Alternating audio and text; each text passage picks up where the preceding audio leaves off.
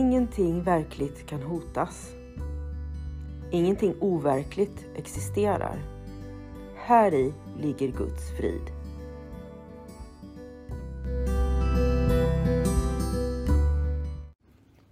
Mitt namn är Magdalena Wiklund och den här podden handlar om hur jag fann frid. Allting har sin grund i Helen Schuckmans uppenbarelser då Jesus dikterade det som sedan skulle bli boken en kurs i mirakler för henne. Jag kommer att referera både till kursen och till Bibeln eftersom Helen fick så mycket förklarat för sig av Jesus om hur vi egentligen bör tolka Bibeln.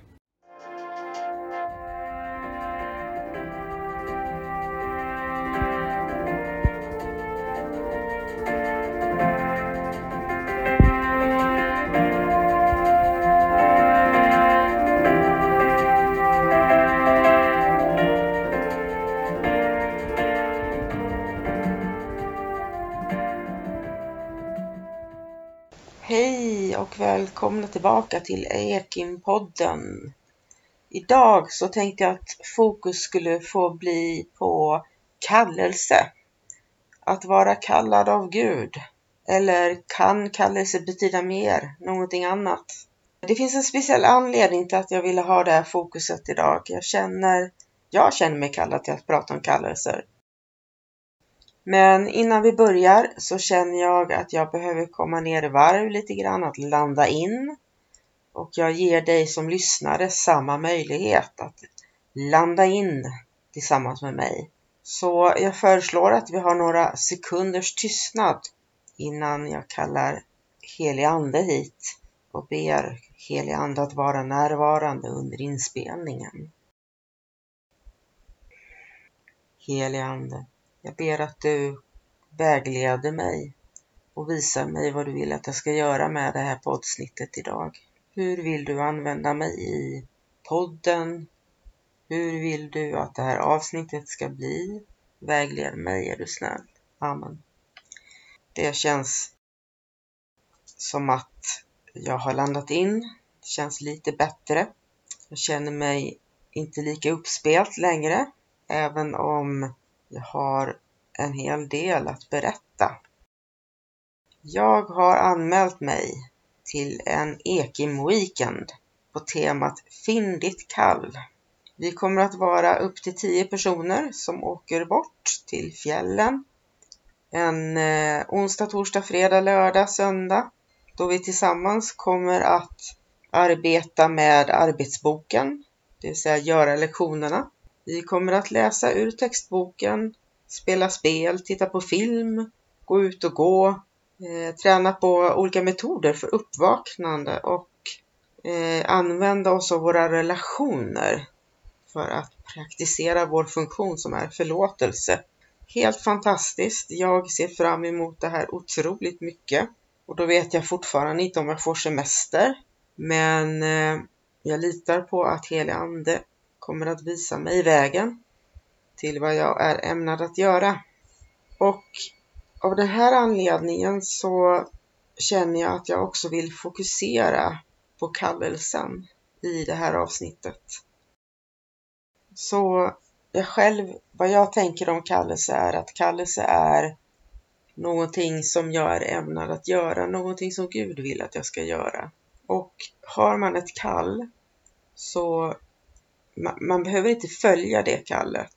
Men för att bli riktigt, riktigt lycklig i livet och med det man gör med sitt liv så är det min övertygelse att man måste följa sitt kall. Och jag tror också att alla människor har ett kall. Och därför är det också viktigt med ett kall. Eh, ja, jag säger att det är ett kall. Andra människor kanske skulle säga att det är en önskan, ett sätt att leva eller liknande. Eh, jag tror inte det spelar någon roll vad vi kallar det.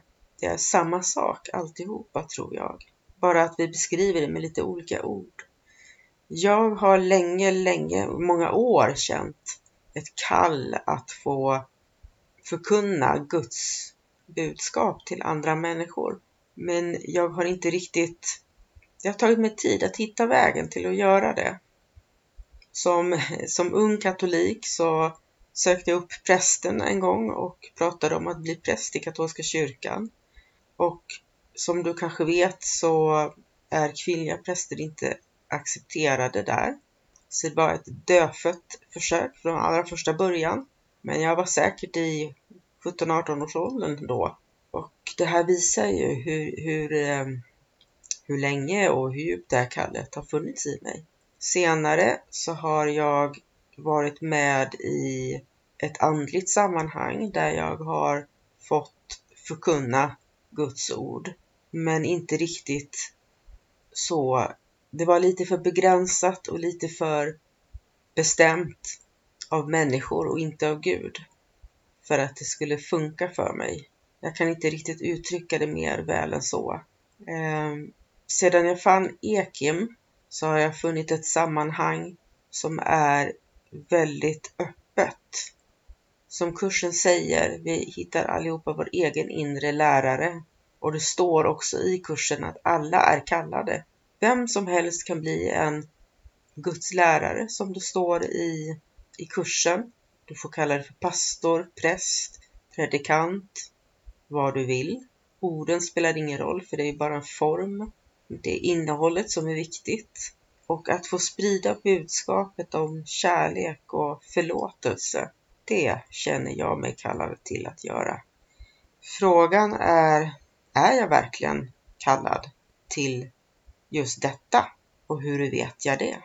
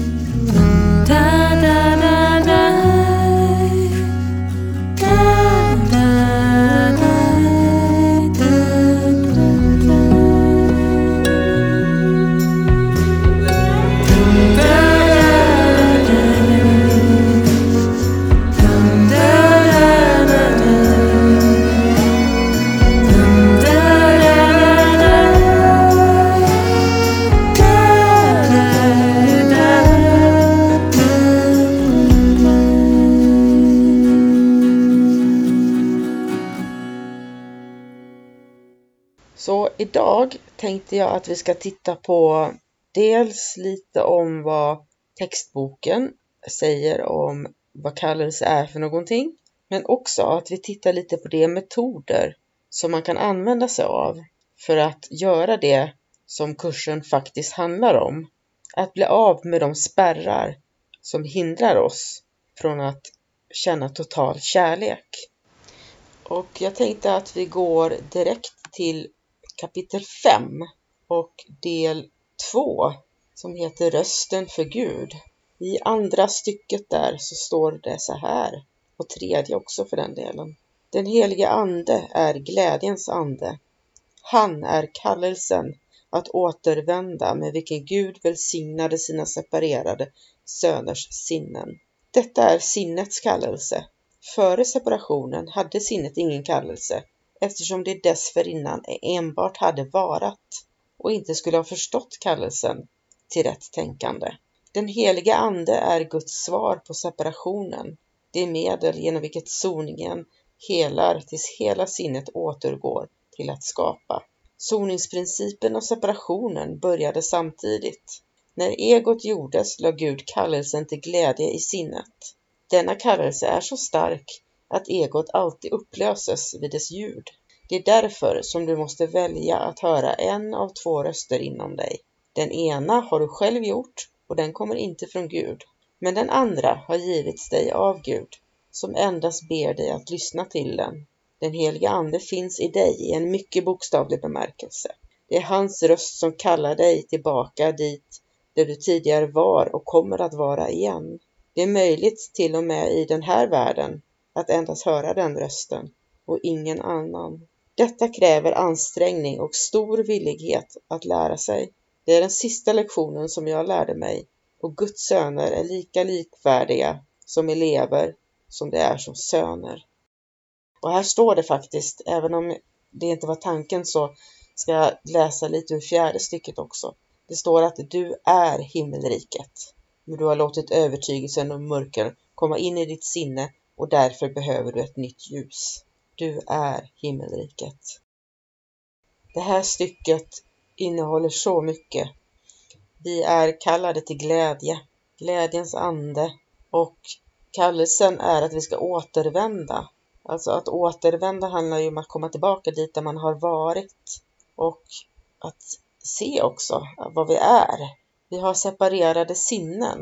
Gud välsignar våra separerade sinnen, men vi är inte separerade. Detta är sinnets kallelse. Våra sinnen är kallade. Och innan vi upplevde separationen, innan separationen hade eh, kommit, så hade sinnet, sinnet ingen kallelse eftersom det dessförinnan enbart hade varat, att bara vara. Men nu är vi kallade till helhet igen. Det är så jag förstår stycket. Jag förstår det som att den helige Ande och kallelsen är detsamma. Den helige Ande är Guds svar på separationen. Så att när vi valde att separera, att få den här bilden av att vi är separerade från Gud och från varandra, så gjorde vi egot och då la Gud kallelsen till glädje i sinnet. Kallelsen till glädje lades i vårt sinne och som vi sa, den heliga Ande är glädjens ande. Han är kallelsen att återvända. Så helig Ande och glädjen, kallelsen till glädje är samma. Och när vi hör den här kallelsen så är den så stark att egot alltid upplöses vid dess ljud. Och för mig är det här fantastisk vägledning. För att för mig blir det att jag vet om jag hörsammar Guds kallelse eller inte beroende på om mitt ego finns kvar eller inte. Drivs jag av ego så är jag förmodligen på fel väg. Drivs jag av eh, kärlek till mina medmänniskor så drivs jag av någonting som kommer att leda mig rätt. Om jag drivs av glädje så är jag på rätt väg. Så jag har två röster inom mig och jag får välja vilken jag ska lyssna på, antingen egot eller den andra som har givits av Gud, som endast ber mig att lyssna. Och jag tror, jag tror att det är lätt för att förstå att vi kan komma tillbaka till Gud, men det står också att vi kan vara tillbaka. Det är, möj det är möjligt att till och med i den här världen att endast höra den rösten och ingen annan, alltså den vi har fått av Gud. Och för mig vore det nog att hamna i himmelriket igen. Så fantastiskt att bara höra glädjens kall. Och jag är himmelriket. För mig hänger det också samman ihop med att jag har helig ande i mig och att jag kan höra glädjens kall. Vidare står det i stycke 8 att både himmel och jord finns i mig. Den heliga Ande är din vägledare när du väljer. Han finns i den del av ditt sinne som alltid talar för det rätta valet, eftersom han talar för Gud. Han är den kommunikation med Gud som du har kvar och som du kan avbryta men inte förstöra. Inte förstöra, kan inte förstöra den. Den heliga Ande är den väg på vilken Guds vilja sker på jorden så som i himlen. Både himmel och jord finns i dig, eftersom kallelsen från båda finns i ditt sinne. Rösten för Gud kommer från dina egna altare till honom. Dessa altare är inte ting, det är din hängivenhet. Likväl är du hängiven andra ting nu. Din splittrade hängivenhet har givit dig de två rösterna och du måste välja vid vilket altare du vill tjäna. Den kallelse du nu besvarar är en värdering eftersom den är ett beslut. Beslutet är mycket enkelt. Det fattas på grundval av vilken kallelse som är värd bäst för dig. Och det här förstår jag som att det i grund och botten är jag som måste välja. Jag kan välja att tjäna den kallelse som kallar mig till jorden, kroppen, de materiella sakerna eller Guds kallelse. Det står i textboken att alla är kallade. Här ska vi se, jag är i, jag är i kapitel 3, Den oskyldiga varseblivningen och del 5 som heter Bortom varseblivningen, stycke 7. Gud och hans skapelser förblir i visshet och vet därför att ingen felskapelse existerar. Sanningen kan inte befatta sig med misstag som du vill ha. Jag var en människa som kom ihåg anden och dess kunskap. Som människa försökte jag inte bekämpa misstag med kunskap utan med att rätta misstaget från grunden. Jag påvisade både kroppens maktlöshet och sinnets makt. Genom att förena min vilja med min skapare kommer jag helt naturligt ihåg anden och dess verkliga syfte. Jag kan inte förena din vilja med Guds åt dig, men jag kan ta bort alla felaktiga varseblivningar från ditt sinne om du ställer det under min vägledning. Endast dina felaktiga varseblivningar står i vägen för dig. Utan dem är ditt val säkert. En sund varseblivning medför ett sunt val. Jag kan inte välja åt dig, men jag kan hjälpa dig att göra ditt eget rätta val. Många är kallade, men få är utvalda. Borde vara alla är kallade, men få väljer att lyssna. Därför väljer de inte rätt. De utvalda är helt enkelt de som väljer rätt tidigare. De rättsinnade kan göra detta nu och de kommer att finna ro för sina själar. Gud känner dig endast i frid och detta är din verklighet. Vad det här stycket säger är det som jag sa i början, att kursens syfte, vad helig ande gör för oss, vad Jesus säger, det är att han kan ta bort alla felaktiga varseblivningar från mitt sinne om jag väljer att ställa det under hans vägledning.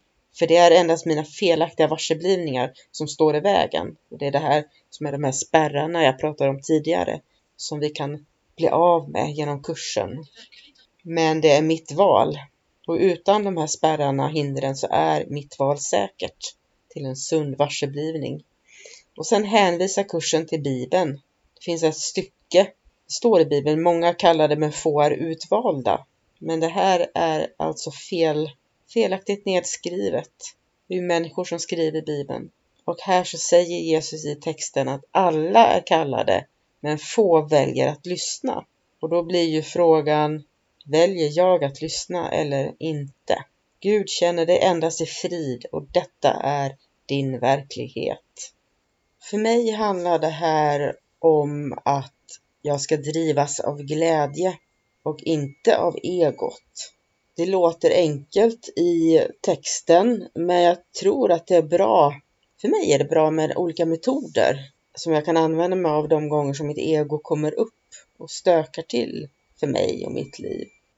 Och efter pausen så kommer jag att berätta om några av de metoder som Ekim erbjuder oss som vill gå ifrån rädsla till kärlek.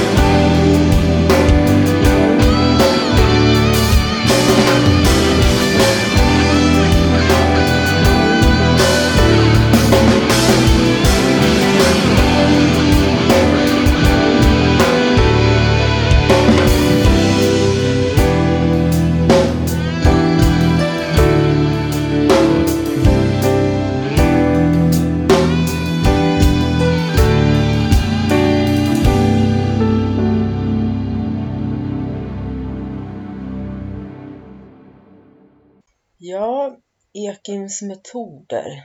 Det finns många metoder och de är bland annat beroende på vem som förmedlar dem naturligtvis, personliga val. Men den första och främsta metoden är naturligtvis de 365 lektionerna som du hittar i arbetsboken. Dessa är tillsammans med textboken själva grunden. Eller nej, jag skulle nog säga att textboken är teoretisk, men lektionerna är den praktiska metoden som är grunden till den inre förändringen, inre resan vi allihopa gör. Det andra är alla möten mellan människor. Som jag sa så har jag varit katolik och en av de saker jag ville göra som tonåring och en bra bit in i vuxenvärlden var att gå i kloster och leva i celibat och i enskildhet. Det tog lång tid för mig att inse att för att möta Gud behöver jag också möta människor. Och genom att möta människor så möter jag också mig själv. Andra människor speglar den jag är och på det sättet blir jag också utmanad att se mitt eget ego, mitt mörker, det jag behöver förlåta för att kunna gå vidare och bli en bättre människa i den här illusionen som vi lever.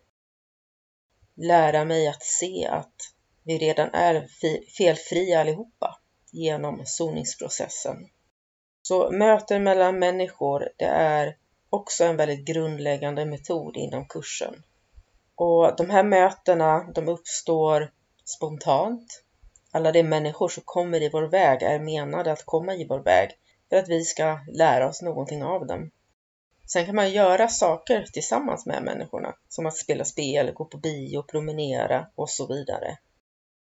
Det finns ett spel som är gjort speciellt för kursen eller utifrån kursen. Det heter The Miracle Choice. Det är ett eh, spel som framförallt spel, ett brädspel som eh, man spelar som barn om ni kommer ihåg från den gamla goda tiden.